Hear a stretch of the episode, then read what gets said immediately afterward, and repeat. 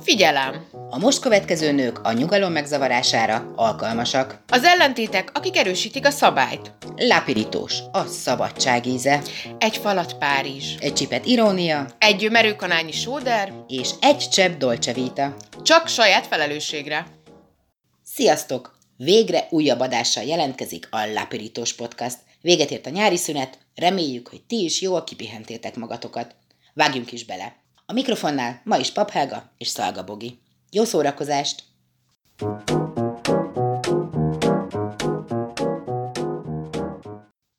Az augusztusi témát most ismertetném, ami nem más, mint az édesség. Hát szerintem ez egy elég nőies téma, ezt így kijelenthetjük.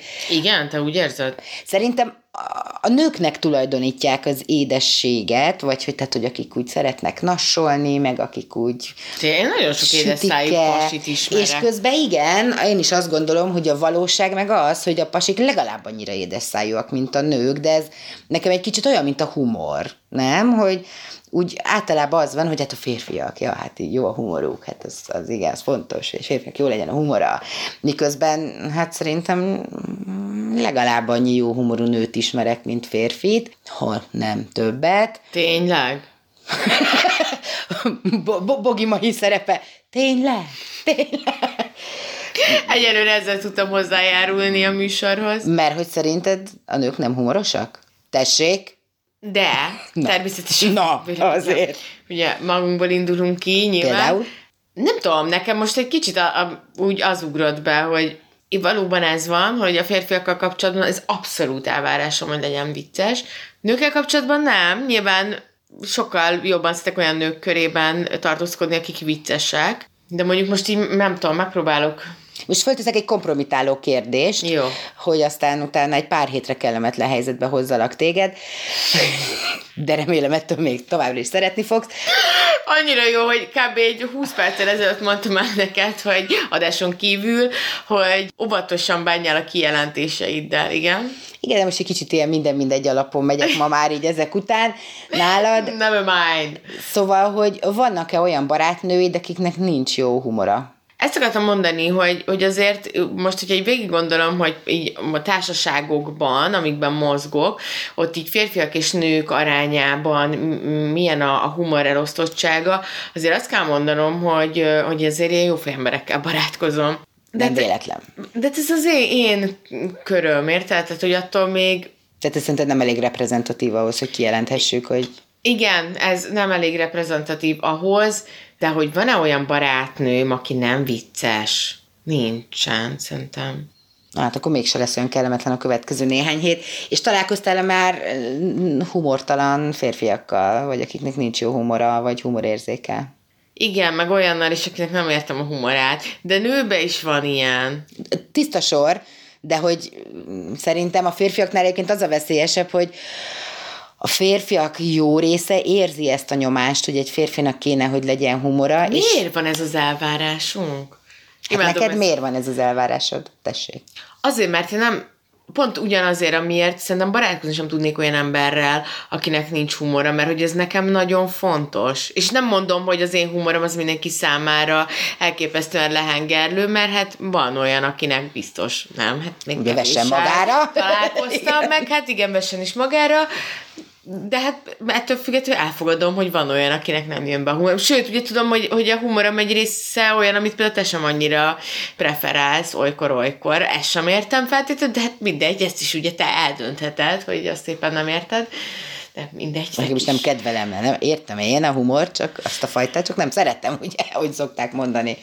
De hogy szóval szerintem a férfiaknál tökre meg tud az, vagy elő tud az fordulni, amit Nőknél sokkal kevésbé észleltem jelenség, hogy hát, hogy ez a, hogy is fogalmazzam szépen, tehát, hogy ez a erőltetett béna humora van, aki úgy érzi, hogy hát igen, aki úgy általában a saját viccein nevet, mert a többiek nem annyira értékelik, és hogy ez szerintem ebből fakadhat, hogy, aki... hogy ott kényszer van, hogy pasiként legyen jó humorod, úgyhogy ha nincs, akkor próbálsz úgy csinálni, mintha lenne. He, he. Egy kicsit a tyúk vagy a tojás esete, nem? Hogy?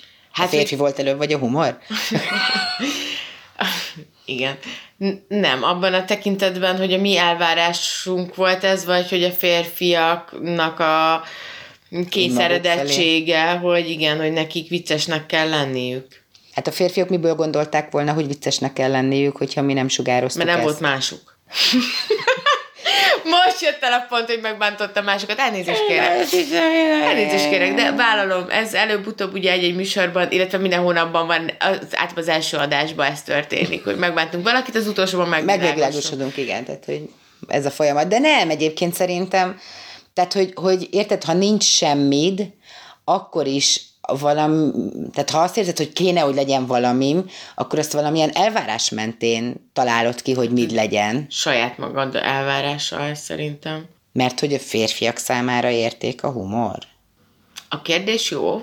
Én most így, így hirtelen elgondolkozva, én, én azt gondolom, hogy ez, ez valamiért a nők oldaláról jön. Tehát mi, Ez mi, az igény. Azt gondolod, hogy ez volt előbb, hogy mi, a mi elvárásunk volt az, hogy a férfiak legyenek viccesek. Igen. De nem azért, mert, mert megjelentek például a, a férfi stand meg, meg hogy így a... Hát azért a humor egy, egyen régebbi, mint a stand-up, ezt azért így szögezzük le, de az is lehet, hogy kettővel. Ja, ja, hogy az már úgy régebb óta van, én azt hittem, Igen, hogy nekem- ez a Comedy central Nem, nem, nem, sőt, még a tévézést is megelőzte. De most nekem egy olyan csavar jutott eszembe, hogy esetleg még azt tudom elképzelni, ha a férfiak oldaláról jön, hogy a humoros férfiak találták ki azt, hogy ő bennük azt szeretik a nők, hogy ők humorosak, és Na, ezáltal elhitették a mondom. többi férfival, hogy hát, aki nem humoros, annyira legalább, mint én vagyok, az labdába se rúghat. Szerintem ez egy kicsit a béna fickóknak az eszköze lehet, aki nem tud szerelni, nem elég férfias, nem elég vonzó, nem elég nem tudom micsoda, akkor mi marad? Az, hogy, hogy legalább vicces vagyok. Hmm. Azért nőbe is van ez, amikor így nem vagy elég jó nő, az nyilván önbizalom, meg nem tudom, hogy ismerjük ezt az oldalt, és akkor, akkor legalább viszont jó fej vagyok. Most lecsúnyáztál engem? Te hülye vagy, vagy mi vagy? Tessék, le is üljész. De miért veszed magadra? Vagy hogy jött ez, hogy magadra kell venned? Hát mert hogy ebből Mert te nem vagy vonzó, nem vagy elég jó nő, nincs önbizalmad, nem vagy... Nem, elég... jó a humorom. És ez az, amit, mo- amit most te mondtál, az nekem azt feltételezi, hogy azért, azért van egy nőnek jó humora, mert az a kompenzálja azt, Nem. hogy nem néz ki jól. Nem, hanem hogy szerintem ez nőként is van ez az elképzelésed, hogy magadra veszed azt, hogy én, én akkor vicces vagyok, meg tudok magamon nevetni, mert azt gondolom, hogy Na, de hát én nem vagyok ilyen. Nem. Jó, akkor ezt meg is beszéltük tulajdonképpen. Ha ennyi, e- ez a rövid tömör válaszom, őszinte tömör válaszom elég, akkor nem. Jó, jó, hát akkor a, az, az édesség kapcsán majd még így később fejtegessük a, a nézeteinket. Én azt mondom, egyelőre annyit árulnék el, hogy a mai adásnak a témája az édességen belül, a, ami szintén én nőknek tulajdonítanám, de szerintem így férfiakra is jellemző, az a nassolás, eszegetés témája lesz.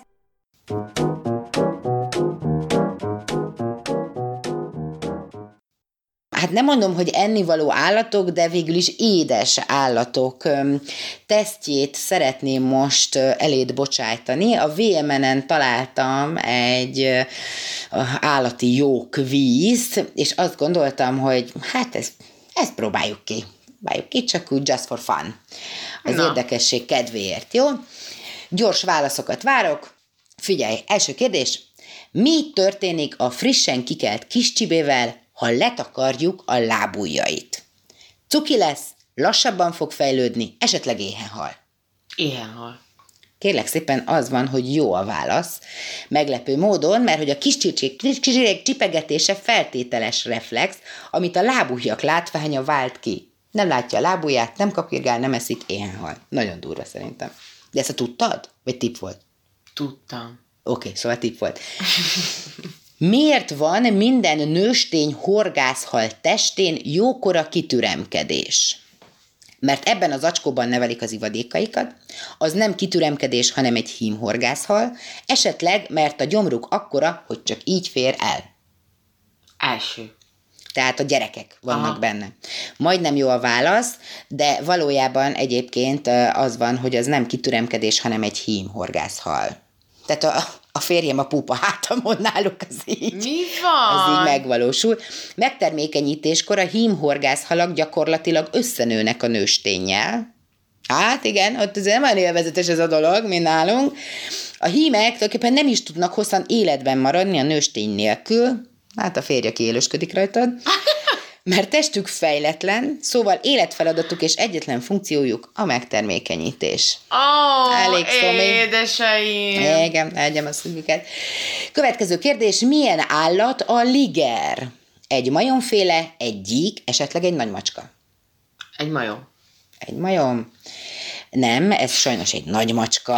Aj, tudtam, hogy ezt mondanom. Ez a hím oroszlán és a nőstény tigris kedves gyermeke, mert hogy bár ezek elvileg külön fajba tartoznak, mégis tudnak párosodni, és...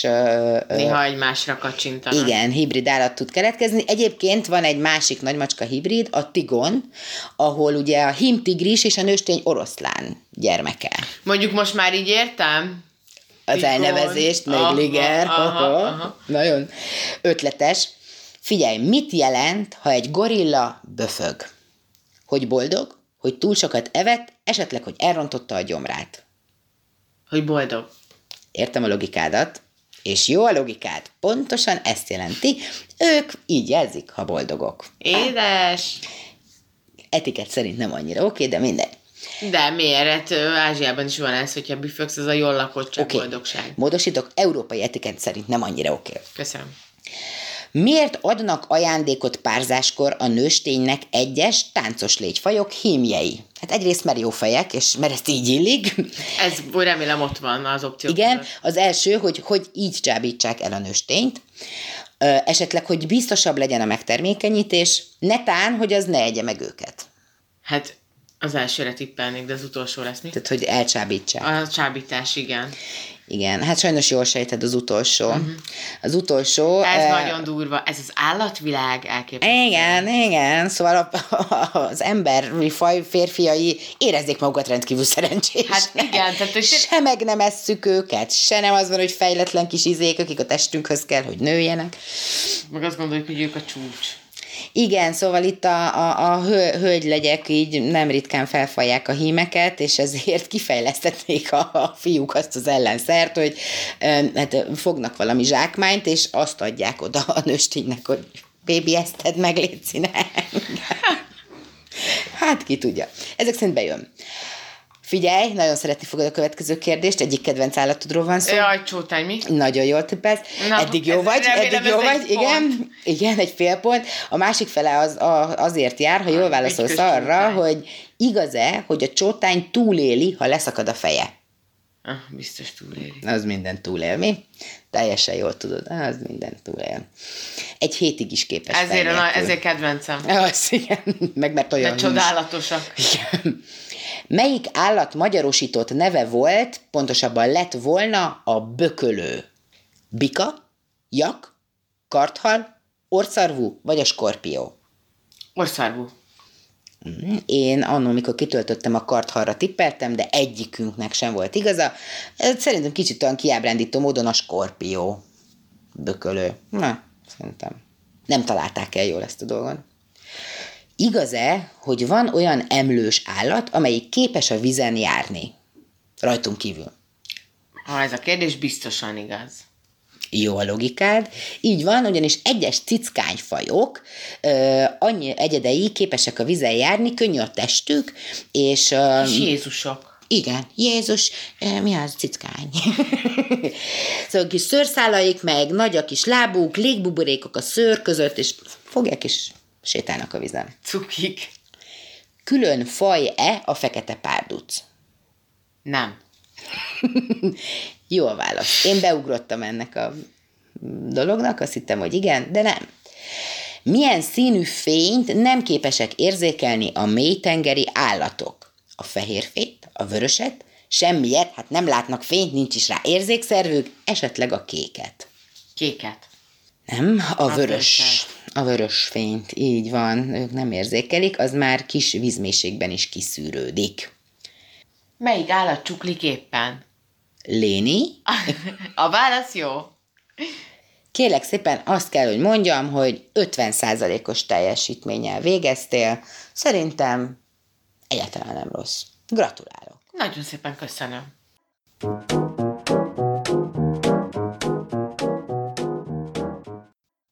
Kis színesek, és ünnepek, és egyebek vannak soron, és most szeretnék rád cáfolni, Boglárka, hogy meggyanúsítottalak, hogy mindig ilyen párkapcsolatos, a nők ilyenek, és a férjével úgy bosszút állt, meg ilyenek? Típus, Igen. Most mást hozol. Igen, és azért sem ilyen cikket hoztam. De azért, mert előtte megnéztél őt ilyet, és amikor rájöttél, ne. hogy aj, Bogi megint ezt fogja mondani, és akkor kerestél valami okos tudományost.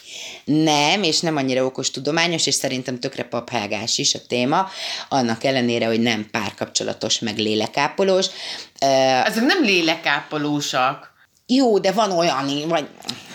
Bogi, ne kötekedjél, légy szíves. Na, Na mondjad. Szóval a gurulós bőröndről hoztam egy kis történeti áttekintést, mert hogy Hát azt hiszem, hogy engem nem nagyon lehet elképzelni mással utazni, mint gurulós bőröndel. Ugye nekem speciál volt olyan, hogy az erdőben is gurulós bőröndel közlekedtem. Nem mondom, hogy erre büszke vagyok, de szerintem nagyon jó találmány. Na, ezt így szögezzük le. nem tudom leolvasni, hogy most szánalom van az arcodon irányomba, vagy így ez a, a témával kapcsolatban. Vár, tényleg, tényleg, gurulós bőröndig bírtál jutni. Hát ennél öcsém már, nem tudom, lakatos, szerelmes ízé, zaklatók is jobbak. Igen, azért ezt most el kell, hogy mondjam, hogy azt hiszem ez van az arcomon, hogy hát lehet, hogy jobb lett volna egy csaj, aki a férjének az arcápolájában, nem tudom én, szörnövesztőt tesz, vagy, vagy valami ilyesmi, vagy bármit. Hát jó, Bogi, figyelj, tehát, hogy akinek minden is keserű, azzal nem tudok mit kezdeni. Nem, várom, hogy hova fog ez így kikerekedni, a gurulós kerekek. Hát egyrészt kérlek például az van, hogy körülbelül így hárman is feltalálták ezt a gurulós bőrön dolgot, és amennyire szerintem zseniális a találmány, eleinte annyira nem volt rávevő a világ, ami szerintem tökre meglepő. Egy Szedó nevű úriember, Bernard Szedó, azt látta a reptéren, hogy egy munkás egy hatalmas gépet könnyedén tologat a gép alján, mondja az Escombine, ö, bocsánat, a telex.hu-n lévő cikk, és a gép alján kerekek voltak. A férfi odaszólt a feleségének, hogy ezt kellene az ő bőröngyeire is, majd hazament, leszedett párat a szekrényről, rárakta az aljára, és már is lehetett zsinegen húzni a cuccost. Annyira tetszett neki az ötlet, azt gondolta, hogy ez élete egyik legjobb ötlete, és szabadalmaztatta is. Egyébként így a cikkből kiderül az, és az például rögtön egy érdekes vetülete ennek a témának, hogy sokáig azért sem volt szükség gurulós bőröndre, mert hogy relatíve későn, tehát ez a 1900-as évek közepetáján merült föl a gurulós bőrönd, mint ötlet, mert hogy egyrészt az ilyen századfordulóig nagyjából a hordárok megoldották ezt a problémát, tehát hogy te nem foglalkoztál azzal, hogy cipelje, de még utána is jó ideig az volt az alapvetés, hogy az úri emberek cipekednek. Mm. És mint kiderül a cikkből, sokáig azért nem volt oké okay ez a gurulós bőrön, mert hogy ezt ilyen férfiatlannak gondolták, és hogy tehát ez a férfiúi büszkeséget sértette, hogy már csak nem fogom kereken húzni, mert akkor mit gondolnak rólam, milyen férfi vagyok én. Igenis menni kell az asszony után, és majd én férfiasan cipelem. Hát én például hallod, ezt a mentalitást olyan szinten hiányolom a mai férfiakból. Hát ez, hogy ő csak azért is azt mondja, hogy ne hozzál már Klára ilyen helyzetbe, hogy én a gurulós bőröndöt fogom húzni. Nem gondolod? Majd cipelem. Nem, nekem már az is elég lenne, hogyha azt mondanák, hogy Klára, nehogy már te húzd azt a hülye gurulós bőröndöt, hagyjad, majd én húzom magam után. Mert nekem az a tapasztalat, hogy mostanában már így ez sem annyira fordul elő. Egyet tudok érteni. Na jó van, látom, ezzel se izgattalak föl nagyon. Semmi gond. Nem, nem, be kell, hogy bejön, igen, tehát hogy valahogy ez a gurulós bőrön sztori nem hozott annyira lázba most. Jó, hát mindegy. E, akkor elmondom, hát a hallgatókat nálad egyen jobban érdekli, hogy egészen 1987-ig kellett várni, hogy megszülessen az a fajta bőrön, ami nekünk is ismerős lehet. Ekkor Robert Plath, a Northwest Airlines egyik pilótája egy bőrönre két kereket és egy hosszú fogantyút rakott. A Rollaboard nevű találmányát először légikísérőknek és más pilótáknak árulta, itt szerintem sokkal jobb volt a marketing, tehát hogy ő érezte, hogy honnan lehet a piacot megközelíteni. Akik ugye elég jó közönségnek is bizonyultak, mert hogy végigloholtak egy-egy ilyen bőröndel a reptereken, és az emberek ugye vérszemet kaphattak. Egyébként Plath végül fel is hagyott a repüléssel, megalapította a Travel Pro International nevű cégét, ami a mai napig ilyen cuccokat árul. Egyébként, hogyha egy gurulós bőröndre kell valamit mondani, Na. számomra a, a gurulós bőröndnek az a legkiválóbbja, amelyiknek a kereke mindenfelé tud forogni, és ugye nem csak két darab. Én ezt nem. Tényleg. Mert az állandóan össze-vissza gabajodik magába, meg hogy így nem tudja eldönteni. Az nem. egyik erre akar menni, a másik arra. Mert nekem sokszor az is, tehát hogy ez a két darab kerék, és amit megdöntöd, és úgy húzod magad után, nekem az, az ugyanúgy nehéz tud lenni, és akkor ez inkább idegesít. A vállamról meg azt gondolom, hogy hát aznak olyan jó teherbírás van, tehát inkább cipelem a vállamon mondjuk a sportáskát, mm. vagy felveszek egy... Hátizsák. Én hogy hívják ezt? Csöves... Azt, um, igen, igen, a, a célcső, nem. Nem. A célbetétes az a bakancs. Az igen, ez a Márkusz. igen. Hát, hát azt a nagy hátizsákot, igen. Én nem. Nem. Hát. Leblokkoltunk. Ennyi. Meg hát részemről gurulós bőrön. Tehát, hogy... Szóval, hogy inkább... Csővázas. Csővázas, köszönöm szépen. Nagyon jó. Szóval a csővázas hátizsák, én a nekem az, amikor így e, e, először lett egy ilyen csővázas hátizsák, mert ezt imádtam. Hát az nekem az tipikusan az, ami téged visz, nem te őt. Olyan egyébként, főleg az én magasságomhoz mértem, meg az én méreteimhez mértem, tényleg olyan, amiben beleférek. Egyébként is akkor valaki azzal együtt vehetne így a hátára. De nekem az praktikusabb, kényelmesebb, mint egy gurulós bőrönd, amivel így, tehát látom, hogy az erdőben zögykölődsz, a macskakövön húzod, meg kell emelni a Lépcső. patkánál, a lépcsőnél, igen, szenvedsz, kifordulsz, tehát ugye azért ezt ilyen bogisba nyomom, még ennek a mindenfelé forog a kereke, és tényleg csak így tolod magad mellett, és van olyan nagy, hogy, hogy úgy magasságban is oké okay legyen, ugye nekem például nem kell, hogy olyan baromi nagy legyen, hogy elérje az optimális magasságot, na az már szerintem egy, tehát a, az az a verzió, ami úgy jó, ezt így kitalálták, akkor kikísérletezték, lementek a bénácska kétkerekűek, és akkor itt vannak a négykerekűek, nekem az szimpibb. Jó, engem nem tudsz meggyőzni, sajnálom, és én végtelenül hálás vagyok az uraknak. Úgyhogy a harmadikukat is még egy-két mondat erejéig hagy említsem meg, aki egy lengyel származású, de Horvátországban élő férfi, Alfred Krupa, akiről a cikk írója nem nagyon érti, hogy miért nem készült még film, mert hogy egyszerre volt boxoló, festő, feltaláló, holokausztul élő lövész és vívó, és egyébként föltalálta a gurulós bőröndöt is, melyet ráadásul 1954-ben már feltalált, mindenki más előtt körülbelül, és ez fotó is bizonyítja, eh, ahogy a cikkben láthatjuk is. Úgyhogy én akkor is azt mondom, hála Istennek, meg ennek a három férfinak, hogy van már gurulós bőrönd.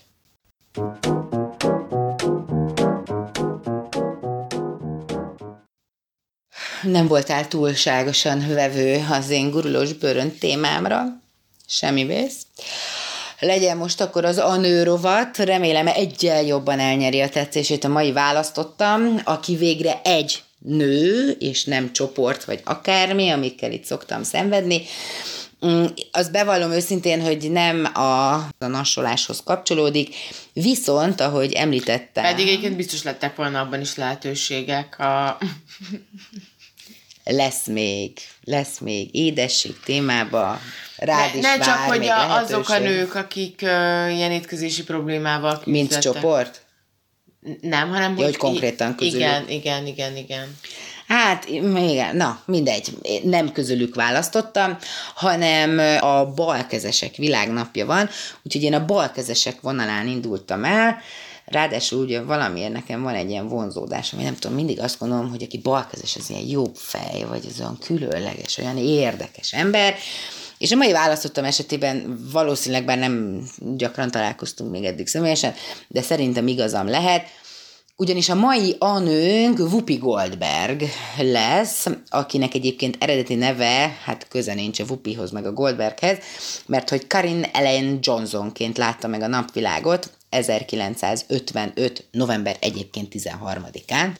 Mm, ugye azon kevesek egyike egyébként, akit egyszerre Oscar, Tony, Emmy, Grammy és Golden Globe díjjal is egyaránt elismertek. Ez elég korrekt.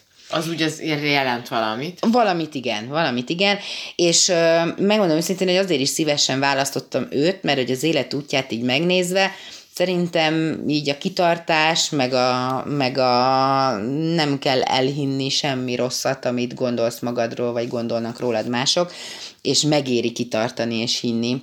Egyik tipikus esete ugyanis Vupi egy szegény családban született, egyébként a Vupi művésznevet is egy gyerekkori gúnynévből ö, alakította magának. Nyolc éves korától Helen Rubinstein kísérleti gyermekszínházában kezdett a szakmával foglalkozni, itt szerzett színpadi színészi gyakorlatot, és már itt kitűnt azonnal a tanárai számára, hogy mennyire tehetséges. Teljes képzést egyébként semmi mást nem kapott színészet tekintetében egész életében, tehát hogy ebből a, a gyermekkori élményből táplálkozott, és éveken keresztül az iskolában kifejezetten lemaradónak tekintették diszlexiája miatt. Uh-huh. Az iskolát abba is kellett hagynia ráadásul. A 60-as években azt hiszem mondani szeretném. Hát csak úgy azt akartam mondani, hogy, ez, tehát, hogy ezek a disz problémákat egy pontig komolyan kell venni, és kell vele Igen. foglalkozni, de hogy ez bármit is meghatározzon az életed későbbi részében, azt hiszem, azt gondolom, hogy egyáltalán nem is erre. Igen, nem lehet kizárók. Nem, semmiben. mert hogy... Lehetsz pénzügyi szakember úgy, hogy diszkalkuliád van. Akár. A 60-as években elhagyta otthonát, csatlakozott a hippi mozgalomhoz, egy kommunában élt, füvet szívott, és mindenféle nem biztos, hogy szép dolgot csinált, meg persze szépeket is. Sokáig nem is dolgozott sehol, gyakorlatilag élvezte az életet. Mm, így van, aztán a 70-es években találkozott egy drogellenes aktivistával, Alvin Martinnal. Akkor ezeknek tényleg mégiscsak van értelme. Mármint? Hát, hogy szerintem sokan ö, választják ugye ezt a kimegyek az utcára, és akkor utcázom, és tehát ez az ja, utcai szociális munka, uh-huh. igen, előadások, meg ugye erről sokszor így szakemberek beszélnek, hogy mennyi értelme van annak például ugye a kefeknek. Ja, a kábítószerügyi egyeztető fórumok fórum, és egyebek meg a mindenféle ilyen workshopoknak, meg a nedrogosz felhívásoknak és plakátoknak, de hogy akkor azért ezek szerint van foganatja, meg gondolom odafut ki a dolog, hogy találkoztak, és akkor ez csak megvilágosodott. Hát olyannyira, hogy képzeld, sikerült leszoknia a drogokról, és egyébként Alvin Martinnal össze is házasodtak, tehát hogy itt ez ilyen dupla nyereség volt. Egy év múlva a lányuk is megszületett, aztán sajnos nem volt túl hosszú életű ez a házasság, mert hogy 74-ig különböző kvalifikálatlan munkákat végzett Vupi, például volt éjjeli őr is, ő is megjárta a hadak útját, majd aztán egy színházi ügynökség segítségével San Diego-ban kapott lehetőséget, azonban férje ide nem követte, a házasság így véget ért. Színházi karrierjét kezdte meg már Whoopi Goldberg néven, San Diego-ban részt vett a város repertoár színházának létrehozásában, aztán San Franciscóba költözött, amatőr társulatokban játszott, aztán egyszer, amikor egy előadásba be kellett ugrania egy megbetegedett társa helyett, támadt egy olyan ötlete, hogy egy monodrámát adjon elő, amelyben hat szerepet egyedül játszik ő.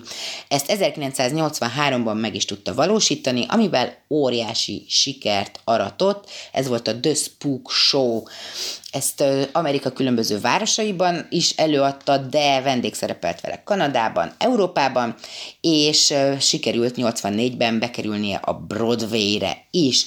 Ennek nyomán aztán már meghívásokat kapott különböző szerepekre, többek között játszott a Jézus Krisztus szupersztárban is. Aztán 1985-ben arról értesült, hogy megfilmesíteni készülnek Alice Walker Kedves Jóisten című regényét, ami Amerika déli részén játszódik, az Egyesült Államok déli részén játszódik a feketék másod rendőrségéről, ezen belül a fekete nőkről szól, akiknek a feketéken belül is másodrangú szerepe jutott. Levelet küldött Vupi az írónőnek, hogy játszani szeretne a filmben ami szerintem egy elég jó felütés. Az írónő ismervén a színésznő színpadi tevékenységét beajánlotta a rendezőnek, aki nem volt más, mint Steven Spielberg, Úgyhogy Vupi megkapta Szeli a főhős szerepét. Így kell kérem, bátran, nagyra törni. Ó, Na, Bugika végre megikletődött. Meg, igen, ez egyen jobban felcsigázott, mint a gurulós bőröngyeid, ne haragudj, de igen, tehát tényleg bátraké a szerencse, hogyha meg nem próbálod meg, akkor esélyed sincs, de ha meg megpróbálod, akkor hát maximum azt mondják, hogy köszönjük, de nem, vagy nem mondanak semmit, de igazi veszteni valód nincsen. Szóval mindenki próbáljon meg bármit.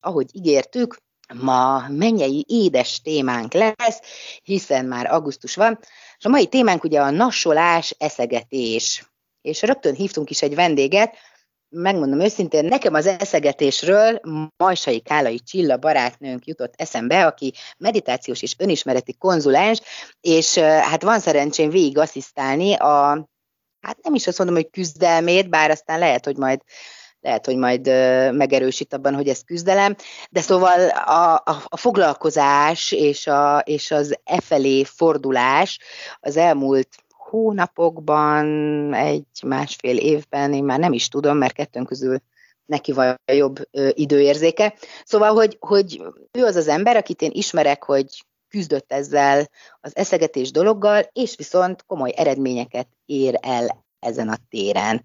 Itt vagy velünk, Csilla? Igen, sziasztok! Üdvözlöm a kedves hallgatókat! Na, hát te küzd, küzdesz te, vagy nem küzdesz?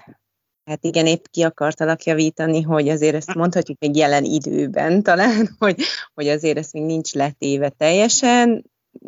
Komoly eredmények én nem mondanám, amiket elértem, de vannak nyilvánvalóan eredmények az ügyben, úgyhogy, úgyhogy igen. Kezdjük az elejéről, hogy mert szerintem a, a nassolásnak, eszegetésnek az az egyik csimboraszója, vagy az az egyik mm, lényegi pontja, hogy, hogy egyáltalán nem tudatosodik sokszor az emberben, hogy ő eszeget, vagy nassol túlzott mértékben. Nálad volt -e egy ilyen pont, vagy, vagy te így, honnantól, vagy mi, mi volt az, amitől azt gondoltad, hogy hú, ezt én lehet, hogy csinálom, és ez lehet, hogy nem olyan jó, és ezt nem akarom tovább. Igen, nagyon jól megfogtad a lényeget. Hát nálam ez úgy indult, ugye, hogy nagyon sokáig én ezt így nem láttam be, vagy hát, hogy nem is igen, tehát, hogy nem is törődtem vele, mert hogy ugye az ember úgy eszeget, meg nassolgat, és hogy arról az úgy nem tudatosodik meg, hogy az úgy nem rossz, vagy hát, hogy legalábbis a fejében ez így nem rossz, mert hát enni kell, ugye, tehát nyilvánvalóan azzal nincsen semmi probléma, hogy az ember eszik, és azért én ezt azt gondolom, hogy éveken keresztül tudtam művelni, és egy barátnőm mondta néhány évvel ezelőtt, hogy tulajdonképpen ez függőség, és hogy ugyanolyan függőség, mint mondjuk a, a cigizés, ami ellen én hadakoztam, és hát szót emeltem, hogy tehát na, na hagyjuk már, hát miért, miért lenne ugyanolyan függőség. És, és hát azért egy, hát tényleg egy ilyen másfél-két éve tudatosodott az, hogy hát, de tényleg ugyanolyan függőség, mint bármi más, tehát beszéltünk itt alkoholról, cigiről, kávéről, ezek hál' Istennek itt nekem nincsenek, vagy, vagy akár tényleg munkafügg, bármi. Minden esetre nekem volt ez a nassolás, eszegetés, és hát egy másfél-két éve tudatosodott körülbelül, hogy hát ez azért probléma. Tehát, hogy egy olyan állomáshoz érkeztem így az önismereti utamon, hogy, hogy ezzel nekem foglalkoznom kell a testemmel, a súlyommal, az evéssel, az étrendemmel, és tulajdonképpen akkor tudatosult, hogy ez tényleg probléma, és tényleg függőség, amikor, amikor próbáltam változtatni. Hm. És, és nem tudtam. Tehát, hogy így igazából ugye mit csinál az ember ilyenkor, hogyha egy diétát akar követni mondjuk, vagy étrendet akar változtatni, mindent kitanul, mindent kioko- mindenből kiokosodik, legalábbis ugye ezt én így csináltam. Kettó, paleo, minden, bármit, tehát hogy tök profi voltam, mindennek tudtam az elméletét, vagy tudom is akár, de hogy így a gyakorlatban ugye semmit nem tudtam ültetni, tehát hogy gyakorlatilag nem volt kontrollom a kaja felett, hogy így mondjam, és ekkor tudatosult bennem, hogy hát be kell, hogy lássam, hogy ez függőség akár mennyire is fáj ez nékem a mai napig is egy picit. szóval, hogy azért ez nekem nehéz, meg tényleg nehéz erről akár beszélni is, mert, mert hogy még mindig valamilyen szinten jelen van az életemben, bár tényleg van fejlődés a dologban. Egy kicsit tegyük már ezt rendbe, vagy a hallgatók kedvéért, hogy mit jelent pontosan az, hogy eszegetsz meg nassolgatsz, mert hogy szerintem annak azért uh-huh. vannak fokozatai, hogy nem tudom, valaki, jaj, nagyon szeretem a fagyit, és akkor, hogyha fagyizási lehetőség van, akkor heti egyszer, nem tudom, pénteken megjutalmazom magamat. Vagy van az, aki hát igazából nem nagyon van ideje enni, hanem csak úgy hát eszeget, amit a gyerek meghagy, jártamban, keltemben valamit gyorsan bekapok, főzés közben a felkockázott répából bedarálok néhányat, tehát hogy mit jelent ez pontosan nálad, vagy mitől érzed azt, amit másfél-két éve, hogy probléma az, amit csinálsz? Na, hát te tökéletesen leírtad. Jártam bankertemben, nincs időm. Eszegetett, hogy, hogy tényleg én nem nagyon reggelizek, tehát általában kiadom a reggelit, sokszor az ebédet is, és akkor így jártam bankertemben, eszek meghagyta a gyerkőc, izé, nem tudom, tehát hogy, hogy igen, nagyjából pont leírtad azt, ami történik velem, és hogy ez így nyilvánvalóan nem jó se a szervezetemnek, se, tehát hogy, hogy semmilyen szempontból nem jó, azt hiszem nekem. Úgyhogy... Hát, tehát ugye te nek tulajdonképpen nem adod meg azt a lehetőséget, hogy akkor most nyugiban, akár nem tudom, csak egy 15 percet rászállok arra, hogy én most eszem, hanem ettől így megspórolod az időt, és akkor gyorsan, amíg állsz a, nem, tudom, a táska bekészítések fölött, az iskolatáska bekészítése, meg a mit tudom én, bármilyen feladat fölött, akkor bekapkodod, ami éppen a kezed ügyébe kerül. És ha jól sejtem, túlsúlyban nem a répa van a történetben, hanem inkább a csoki, keksz és egyebek. Jól, jól sejted, igen, Helga, jól sejted. Sajnos nem a répa van a túlsúlyban, és igen, te is jól sejted, Bogi, tehát hogy igen, tényleg ez a tulajdonképpen igen, nem is az, hogy az iskolatáska felt, hanem sokszor például ez is egy felismerés volt, hogy amikor így túl sok a teendő, már így szétmegy az agyam, már, már így ugye annyi, annyi minden kell csinálnom, hogy már így számon tartani is nem bírom, na az ugye így ezt a dolgot így tudja fokozni, hogy így kimenekülök ebből a szituból gyakorlatilag, és, és, akkor, és akkor gyorsan bekapok valamit, mert az nekem most jár. tehát tulajdonképpen ez ilyen egyfajta jutalmazás is. Igen, tehát hogy ez, ez így működik, abszolút, tehát hogy ezt a 15 percet, igen, megspórolom, nem adom meg magamnak, azt gondolom, tehát hogy ezzel így nem szoktam élni, mert hogy igazán én se tudom megindokolni, hogy miért is nem, valahogy így alakult fogalmam nincs, hogy, hogy én ezt miért nem adom. Nem is az, hogy megadom magamnak. Igazából reggelente egyébként én nem nagyon vagyok éhes. És ugye az a gyakorlatilag 16 éves korom óta fogyókúrázom típus vagyok, ugye most egy pár év, ugye másfél-két éve tudatosult bennem, hogy nem fog tudni lefogni, csak hogyha a lelki okokat, blokkokat hmm. kioldom, ami ugye elkezdődött másfél-két évvel ezelőtt, de ugye még mindig van bennem nyilván, és a lényeg az, hogy, hogy, hogy, hogy ez így tényleg alakult az életemben, tehát egyszer reggel nem vagyok éhes, és ugye ez az állandó fogyókúra vitt bele abba, hogy jó, akkor reggel, gyakorlatilag reggel nem is kívánom a kaját, úgyhogy azt ott megspórolom. Tehát igazából ilyen kaló, nem is időspórolás például a reggeli, hanem kalóriaspórolás volt a régi fejemben, úgy mondom. És szóval, hogy, hogy mondom, ez így, így alakult, igen de hogy spórolod, bocsánat, a kalóriákat, és közben meg viszont reggel nem eszel, hogy kevesebb legyen a kalória, de közben délelőtt meg azért bekapsz ezt-azt, mert hogy közben meg éhes is vagy, meg jól is esik, meg fáradt is vagy, meg egyebek, tehát tulajdonképpen a... Meg amit, is érdemlek. Ráadásul, szóval, hogy amit megspórolsz kalóriát, azt tulajdonképpen kb. kétszeresen beviszed nasiba. Abszolút jól látod, így van. Egyébként ez napfüggő, mert van olyan, hogy délig nem eszek semmit, és akkor igen, akkor délben tömöm magamba. Igen, tehát hogy, hogy ez ilyen abszolút rendszertelen az én életemben az evés. Tehát nem tudom neked azt mondani, hogy én így eszek. Tehát, hogyha nekem azt mondaná egy dietetikus, hogy na, írjam össze, hogy egy napom hogy áll evésügyileg, hát nem tudnám összeírítani, hogy ezt így mm, nem. Tehát, hogy most már tudom az irányt, hogy mifele kell menjek, és ugye most azon dolgozom, hogy a felé minél inkább tudjak menni tulajdonképpen. Mi az az irány? Azt mondtad ugye, hogy nem annyi eredmény van itt az elmúlt másfél-két év alatt, amennyit szeretnél. Én kívülről látva azt gondolom, hogy igenis értél el eredményeket, de hogyan? Igen, igen, azt gondolom, hogy, hogy itt egyrészt a másfél-két évet is elmondanám, hogy, hogy miről szólt az elmúlt másfél-két éven, mert azt hiszem, hogy az fontos. Ugye nézegettem én folyamatosan e, ezeket a lelki blokkokat, hogy, hogy mi is okozza nekem gyakorlatilag ezt a függőséget, és ugye nagyon-nagyon sok szálat sikerült kigabajítani, hiszen ezt végigkísértette, tudod, hogy összefüggésben volt ez itt mindennel, nőiesség, pénzügyek, szabadság, nagyon sok mindennel, és, és akkor tényleg ezeket gabajintottam, és mindeközben, miközben ezeket a lelki blokkokat oldozgattuk, aközben ugye kvázi a fizikai síkon az zajlott, hogy én hol egyik diét, tehát hogy így kerestem tényleg ezt az utat, hogy, hogy mit, és akkor, és akkor tényleg megtaláltam, hogy na csak zöldséget kéne enni, vagy csak mit, vegán,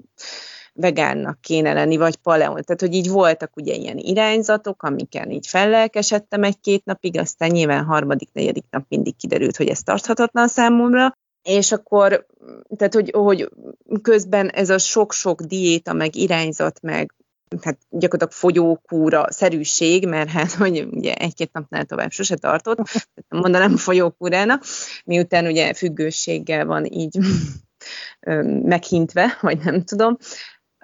Tulajdonképpen ez oda vezetett, hogy egy, hogy egy bűntudat alakult ki bennem az elmúlt másfél-két évben. Valószínű, hogy egyébként ez tudattalanul ott volt bennem mindvégig gyakorlatilag tényleg, amióta túl súlyos vagyok, tehát hogy most ez tényleg ez a, amióta ez a plusz 10 kiló rajtam van. És igazából ezt a bűntudatot, tehát az elmúlt egy évem az arról szólt, hogy ezt a bűntudatot letegyem. Tehát, hogy az, ha én eszek, azért ne bántsam magam. Tehát, hogy fogadjam el, hogy oké, okay, én eszegetős vagyok. Nekem van ez a függőségem. Tök jó, hogy nincs más, tehát hogy így, így tényleg próbálom ezt, és szerintem ez még mindig most ott tartok nagyjából, hogy, hogy gondolkoztam is ezen, hogy vajon elnyomom egy picit ezt a bűntudatot, vagy valóban ott vagyok már, hogy, hogy, hogy tényleg nincs, mert most így tényleg azért van, hogy így befigyel, hogy de azt úgy mindig elsöpröm, hogy jó, de nem, tehát, hogy most ez van, most eszegetek hogy... Nem hagyod magadnak, hogy bűntudatod legyen. Igen, igen, tehát hogy ez, ez, is, ez, ez is figyelgetem most, hogy ez most, most mennyire, tehát, hogy tényleg nincs, vagy remélhetőleg nem nyomom el. tehát, hogy, hogy, hogy bízom benne, hogy ez, ezt most már így le tudom tenni, ezt a bűntudatot, mert azt gondolom, hogy ez egy nagyon nagy lépés, hiszen rengeteg negatív energiát vittem ezzel bele a történetbe, nyilvánvalóan. Úgyhogy most van egyébként ilyen urbán legenda, hogyha úgy eszel, hogy bűntudattal, akkor jobban hízlal. Hát és én ebben nagyon hiszek, vagy akarok hinni ezért, hogyha az van, hogy így, jó, megettem azt a fagyikát, akkor jó, most akkor ezért legalább bűntudatod ne legyen. magunkat, igen, mert akkor az így duplán számít. Hát abszolút, tehát hogy abszolút én is ezt gondolom, hogy gyakorlatilag nem is attól, mert egyébként viszonylag mit tudom, egy pár hónapja elkezdtem figyelni így a családomat, ugye a családom férfi tagjai, ugye a, a, a férjem, meg a nagyfiam is azért jó, mondjuk ő kamasz nagyfiú, tehát hogy jó, bele ne hasonlítsam úgymond magam, de mondjuk, tehát, hogy, hogy, hogy nem eszek én azért olyan nagyon sokat, ami az én fejemben van, hogy hű, de sokat eszek hm. tulajdonképpen. Tehát, hogy, hogy azért valószínűleg jóval kevesebbet eszek, mint a férjem mondjuk, akinek egyébként soha nem voltak ugye súly problémái, tehát hogy, hogy nem Igen, ezen... Bár én megjegyezném, bocsánat, hogy szerintem neked sincsenek jó ideje komoly súly problémáid legalábbis, tehát hogy ránézésre egyáltalán nem az jut eszembe rólad, hogy hát igen, neki is fogyóznia kéne, ahhoz képest, nem. hogy egész életedbe fogyózol. Ez Vagy hát abszolút, ezzel egyetértek. Egyébként pont ez is választ el, valószínűleg ez is egy blokk nyilván, mert, mert tehát, hogy, hogy alapvetően elértem azt én is, hogy oké, okay, elég jó nőnek tartom magam, ahhoz képest, hogy 37 éves vagyok, három gyerekem van, tehát hogy nem gáz, ahogy kinézek, és nyilvánvalóan ezért is nincs, ezért is nincs ez annyira így prioritásként kezelve ez a kvázi a fogyás, és hogy tényleg nem is a fogyás van nekem előtérben, hanem hogy rendezzem ezt a függőséget tulajdonképpen. És akkor itt visszacsatolnék az irányra, ha megengeditek, nem tudom, egyetért tettek mm-hmm.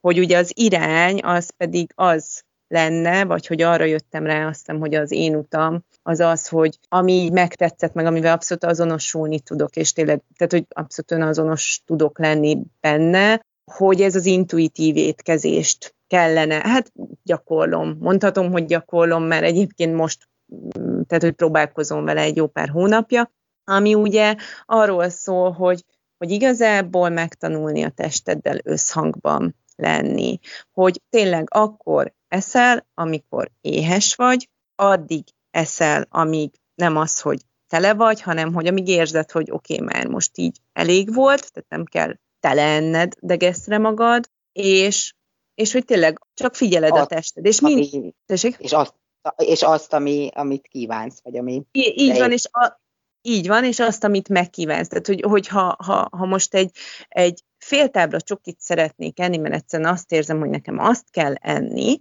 akkor megengedem magamnak azt a fél tábla csokit.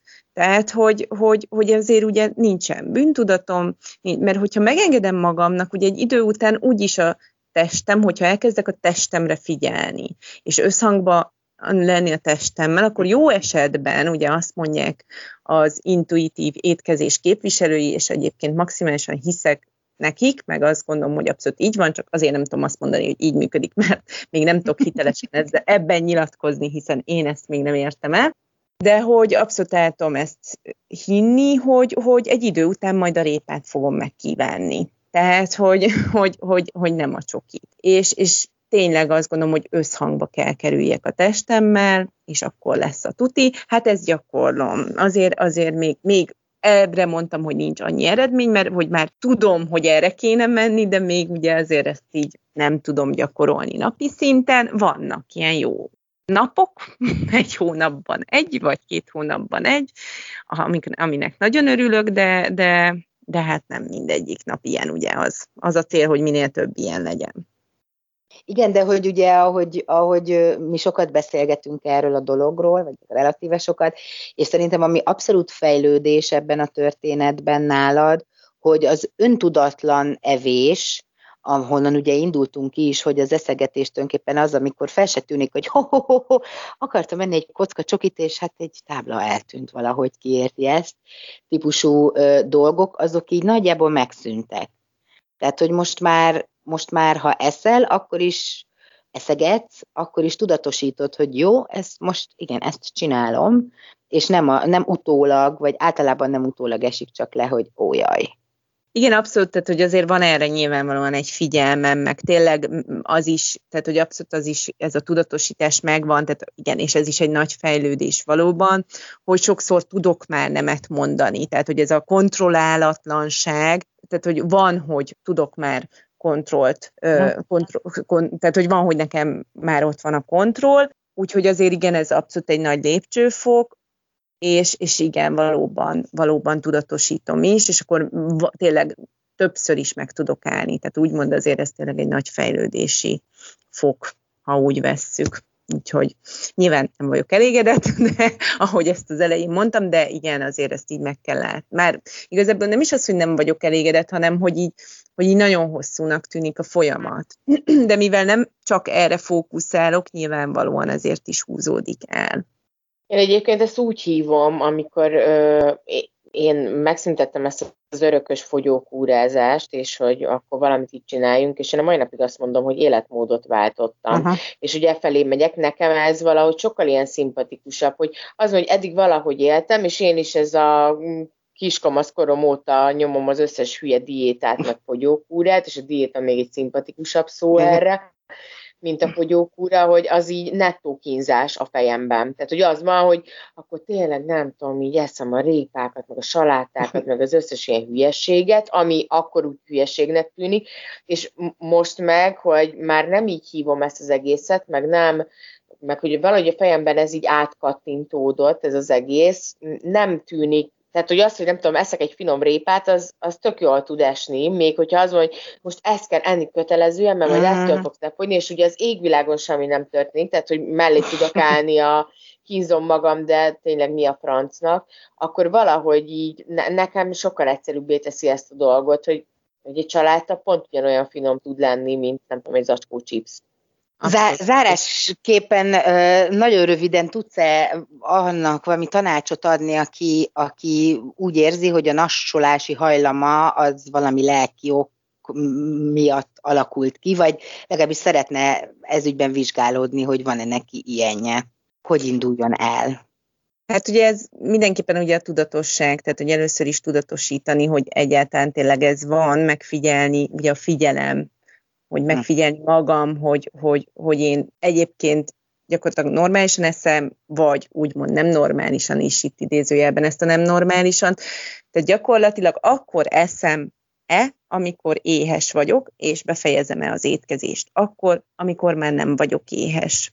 Azt hiszem ezt így tudom megfogalmazni, uh-huh. hogy, hogy tulajdonképpen minden más az valahol már nem, hát... Nem normális kategória. Igen, nem normális, csak ez olyan nem szép, nem szép fejezés, igen tehát hogy, hogy ezt mindenképpen így tudatosítani, tehát eleve, hogyha már látod, hogy van probléma, akkor tudsz vele ugye mit kezdeni, és utána hát fejte, fejtegetni ugye ezt a lelki részét, hogy, hogy vajon miért csinálom én ezt. Tehát, hogy azért ott érdekes dolgok tudnak kiderülni, hogy, hogy de miért van erre nekem szükségem. Tehát, hogyha tényleg úgymond nem tud valaki váltani arról, hogy tehát hogy, hogy, és ez az életmódváltás, abszolút egyetértek, Bogi, hogy, hogy jó, hát akkor én holnaptól tényleg figyelek erre, hogy akkor egyek, amikor, és akkor itt nyilván, most hogyha hetente egyszer-kétszer befigyel egy, nem tudom, pizza, és megeszem, mert megesszük, mert buli van, azzal semmi gond nincs, tehát hogy nem kell átesni a ló túloldalára, de hogy tényleg figyelni azért alapvetően arra, hogy a testemmel összehangban legyek. Ha ezt nem tudom megcsinálni, azt hiszem, hogy akkor mindenképpen valami fajta függőségről beszélhetünk tulajdonképpen, és és akkor érdemes elkezdeni vizsgálódni, hogy mi lehet a háttérben, mi lehet ennek a lelki oka, hogy én, hogy én eszegetek. A tudatossággal és az önismerettel kapcsolatban pedig, aki kicsit mélyebbre szeretne ásni, annak jó szívvel ajánlom Majsai Kálai Csilla YouTube csatornáját, ahol számos videóban mesélsz részletesebben ezekről a dolgokról. Csilla, nagyon szépen köszönjük a tapasztalataidat, meg azt, hogy ezt a komfortzónát most elhagytad a mi kedvünkért, és beszéltél erről a témáról, és Én szerintem jól haladunk, csak így tovább. Én is nagyon szépen köszönöm a lehetőséget is, és elhagytam, igen, köszönöm. További szép napot, köszönjük, szia! Nektek is, sziasztok!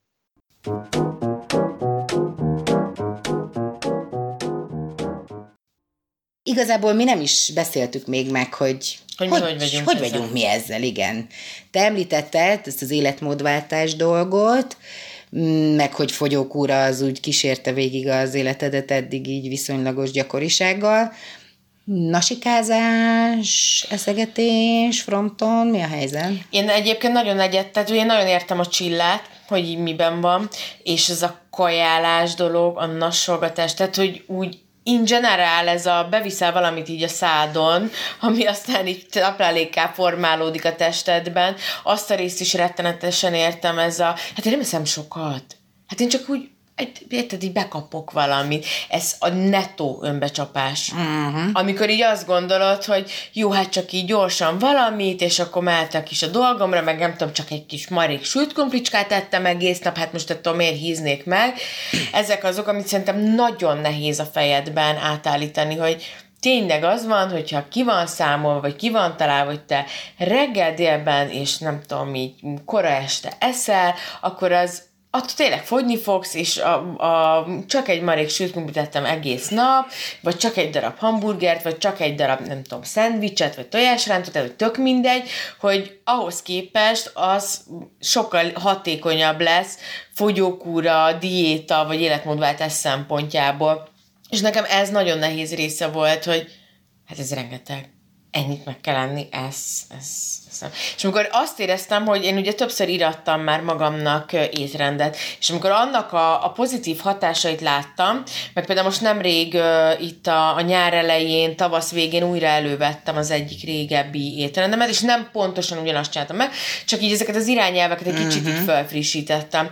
És akkor uh, például ugye meg vannak határozva, hogy ki milyen uh, típusba tartozik, én fehérje típus vagyok, és uh, ezt uh, nagyon el tudom felejteni. És akkor elkezdtem És erre... na- vegánként azért ez így egy kicsit nehezített pálya. I- igen, igen, de hogy azért nem lehetetlen, uh-huh. és elkezdtem erre nagyon odafigyelni, hogy jó, akkor így egyek is ezeket a dolgokat, tehát hogy inkább ilyen fehérjedús étkezésen legyek, és egyébként nagyon érdekes, hogy akkor kiderül, hogy ja, tökre tud, tehát ugye laktat, meg nem kell aggódni azon, hogy éhes vagyok, meg szóval, hogy, hogy tényleg olyan jobban vagy attól, hogyha olyan dolgokat viszel be a szervezetedbe, amire amúgy szükséged van.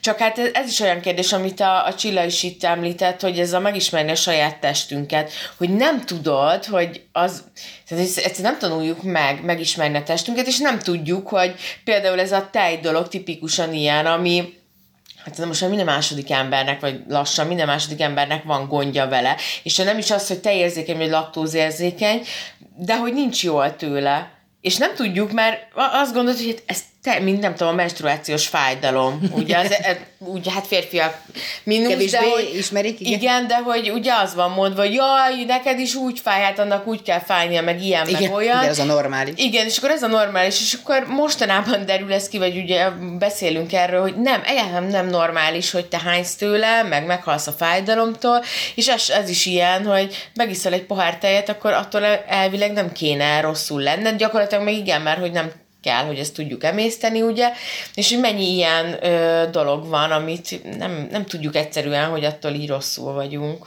Mondjuk eleve a táplálkozás szerintem tipikusan egy olyan, ami olyan terület, ami tele van hitekkel, tévhitekkel, hitek és ellenhitek garmadával, Úgyhogy én igyekszem is ezeken kívül helyezkedni. Én egyébként mm, ezt akartam is közben mondani, csak én nem akartam a Csilla szavába vágni, hogy mondta, hogy sajnos még nem ott tart, hogy a répa lenne az, amit így szívesen nasolna. Ennek ellenére még mindig azt gondolja, hogy fogyókúrára van szüksége. Hát kettőnk közül, hogyha így ránk nézzünk, szerintem nekem egyen jobban van fogyókúrára szükségem. Ahhoz képest, hogy én például nagyon szívesen nasolok répát, meg bármilyen zöldséget, gyümölcsöt, mert hogy tökre szeretem, és hát főleg nem indultam úgy, hogy nasolós lennék. Mai napig tehát nekem chipsekkel ugye például így nem nagyon lehet így levenni a lábamról. Egy-két féle van, amit szeretek, de azt is mondjuk olyan, hogy egyedül nekiülök egy zacskónak és megeszem, ahhoz elég elborult állapotban kell lennem. Én vagyok az, akinél ugye a csoki konkrétan meg tud romlani, sőt, bevallom volt már, hogy megtaláltam a felbontott csokit, és hát kis lények voltak benne, tehát hogy az nem két hete állt ott, tehát hogy rám rám tud romlani simán csokoládé. Ennek ellenére sajnos nem látszik rajtam. Nálam az evésnek azt hiszem az a káros oldala van meg inkább, ami, ami ti is említettetek itt az eszegetés kapcsán, hogy ez a jutalmazás, vigasztalás, szeretetevés. De akkor mit teszel? Tehát, hogy, mert nekem ezek, ezek megvannak, és ezzel kapcsolatban nemrég volt egy felismerésem, hogy kit jutalmazok, és kit büntetek én azzal, hogyha uh-huh. megveszek magamnak, nem tudom, éppen egy ö, doboz kekszet, is, mert aha. igen, a keksz az nálam nagy ö, Na, azt lapság. szeretem, igen. Ez nagyon sajnos. Hogy akkor te mit veszel elő? Én, sokkal, eleve sós szájú vagyok, ugye, tehát, hogy ha, ha már valami eszegetés, akkor mondjuk egy pogácsa ezerszer inkább, mint egy csoki, vagy nem tudom mi, de pogácsát sütni nem állok neki ö, általában, sőt, szerintem még soha életemben nem sütöttem sem De sütöttél, együtt sütöttünk pogácsát. Együtt sütöttünk már pogácsát. Emlékezz vissza. Hát próbálok, de most momentán nem megy. De az az egy... Forgatás. A, jaj, hú, az igaz, az egy, Egy az életre egy emlékezet. Igen, csak ma- nem ettem nagyon belőle, tehát hogy ott így Hát azt nem. azért nincs meg ez az élmény. Tehát, hogy, hogy um, én eleve ugye az van, hogy én kevés eszem, és ez lehet, hogy nem egészséges, meg nem jó, de hogy én általában napi kétszer eszem, és hogy nem is feltétlenül van igényem többre. Három a maximum, de hogy tehát nem tudom, nekem ugye meséltél te is ilyen diétáidról, meg már olvastam, meg mit tudom, és hogy kéne napi ötször enni. Hát volt egy pár nap ilyen csillatípusú diétázásos metódussal, ami nem tudom, két-három napig próbáltam ezt, hogy együnk ötször. Hát én hülyét kaptam. Tehát, hogy nekem az az érzetem van, hogy, Hogy egyfolytán. egész nap csak eszünk, öcsém. Hát de az, hát borzasztó. Tehát nekem nincs se időm, se idegrendszerem, te ismersz ugye, tehát az, hogy kitaláljam, hogy mit eszed. Mostanában egyébként így kifejezetten az van, hogy szinte mindennél rájövök, hogy ez se esett igazán jó. Megint ez van, ugye nekem is. Semmi nem jó igazából. Tehát nincs az az evés után az a kielégülés, ettől nyilván azért úgy előbb jön meg a kedve az embernek az evéshez, mert ugye nem is éhes vagy, hanem lelkileg vagy éhes, hogy az a kielégülés, az a ké, hogy valami finom, és bemegy a testembe, és hogy... Mm. Hogy ezt állandóan tudjuk érezni egyébként, ez valami hihetetlen. Igen, ez... de szerintem ennek is mentális háttere van, vagy lelki, vagy szóval, hogy, hogy ez se egy fizikai dolog.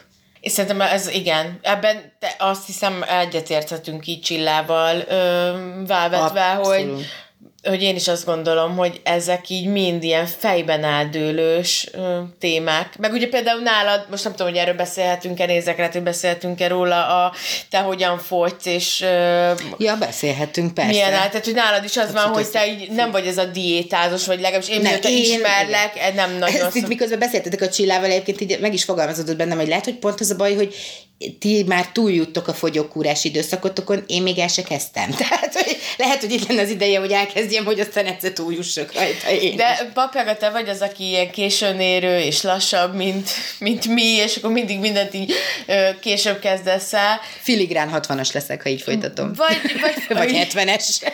Hát, hogy fogadd el, hogy nálad nem ez működik. Nem. Igen. Mert hogy, hogy nálad ugye az, az van, hogy amikor így nagyon boldog párkapcsolatban vagy, akkor te aztán így, mintha kötelező volna, dobod le a kilókat, és úgy Igen, olvadnak le konkrétan. Igen.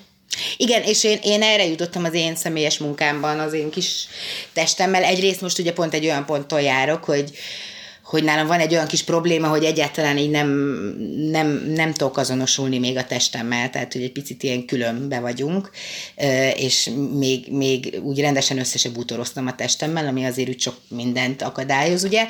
De a másik az ez, hogy, hogyha én biztonságban érzem magam, és boldog vagyok, és kapok elég érintést, mert ott van mellettem valaki, aki szeret, és, és megérinteni is szeret, akkor, akkor úgymond ki vannak elégítve azok a dolgok, amiket, hogyha nincsenek így kielégítve, akkor én étellel elégítem ki. Tehát a hozzámérés is, arra jutottam, hogy az a... De hát nem eszel többet olyankor, nem? De szerintem valószínűleg igen, csak nem tűnik fel.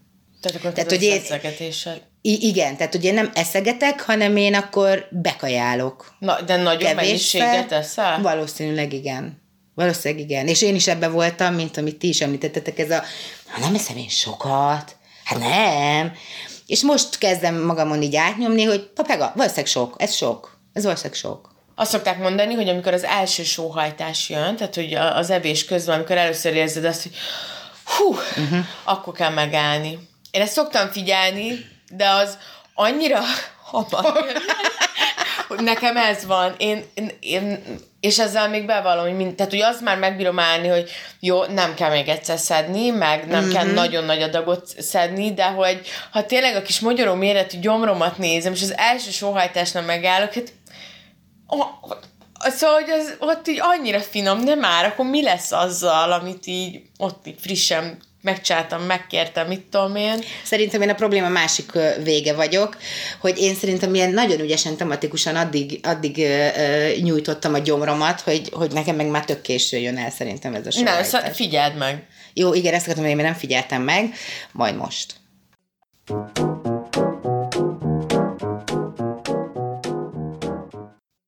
Ez egy ilyen villám. Ugye? Olyan rapid. Volt, hogy, hogy nagyon durva tempót mentünk. Hát olyan kis nassolós, csak olyan pici, olyan kis apró falatkák, és uh, anélkül fogy el, hogy észrevetted volna, hogy egyáltalán neki kezdtél, nem? Igen, lehet, hogy itt is kellett volna a sóhajtásnál figyelnünk, hogy már elég belőlünk. Hát itt a, a, ha a hallgatókat, ha hallod, hogy mikor sóhajtanak, akkor, akkor elég belőlünk, de nagyon bízom, hogy a hallgatók nem sóhajtoznak. Csak én. szóval a nasolás és eszegetés ugye a mai témánk.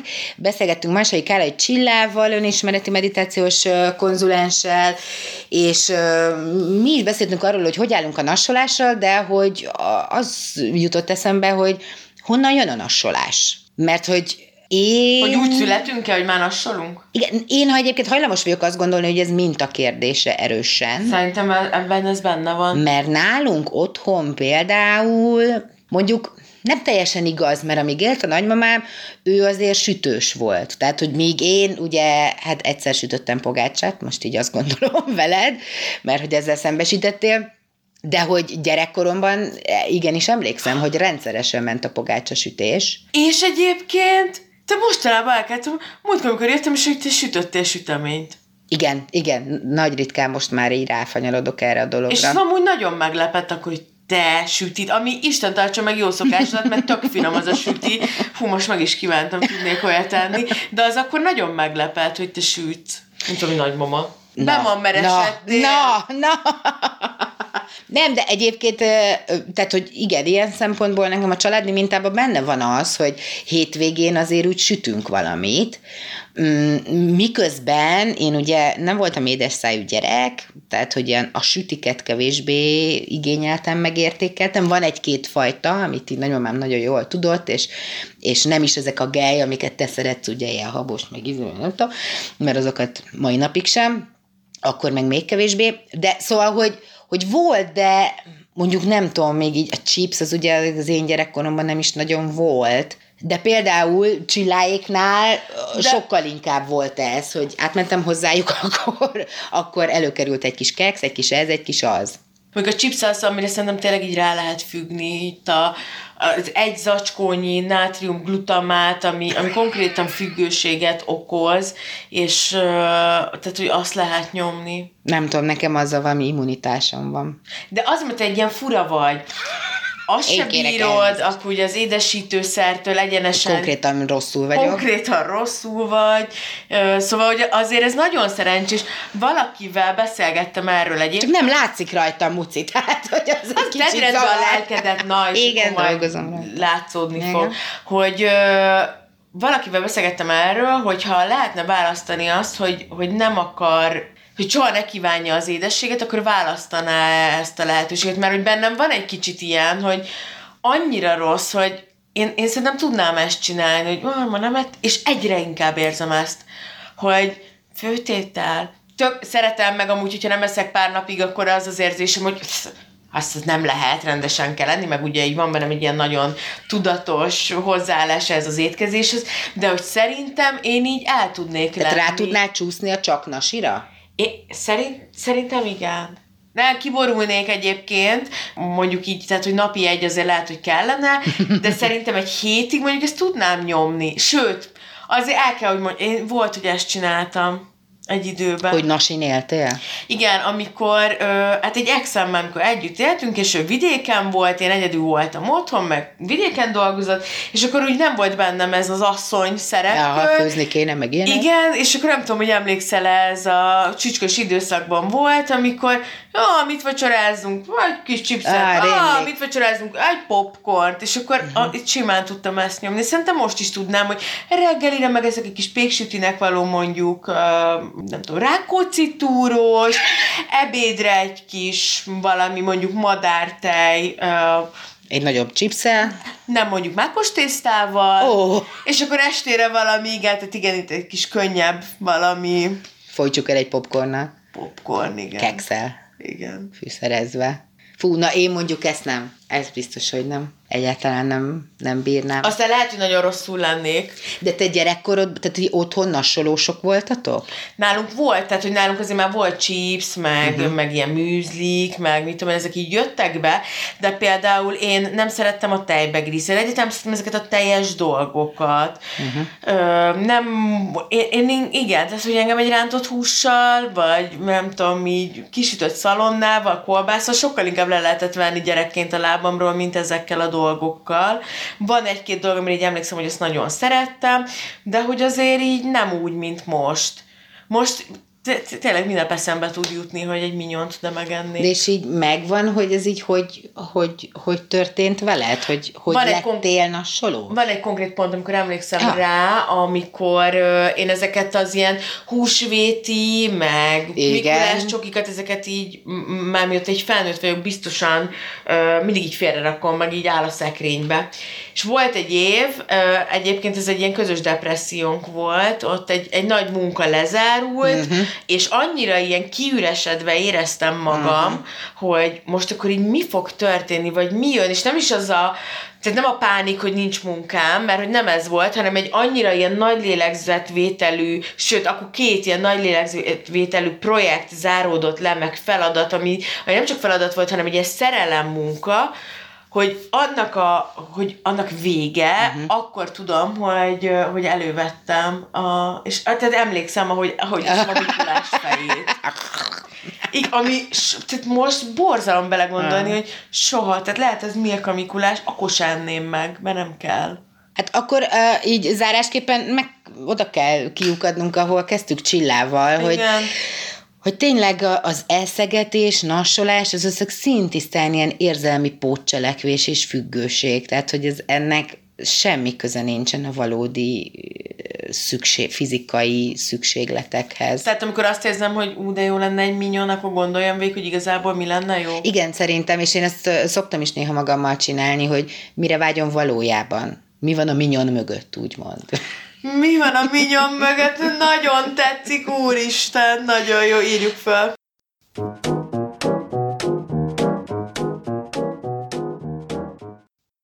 Ez volt a második évad első pirítósa. Jövő héten érkezünk az újabb friss adással. Addig pedig lájkoljatok, terjesztetek és meséljetek rólunk mindenkinek. Puszi!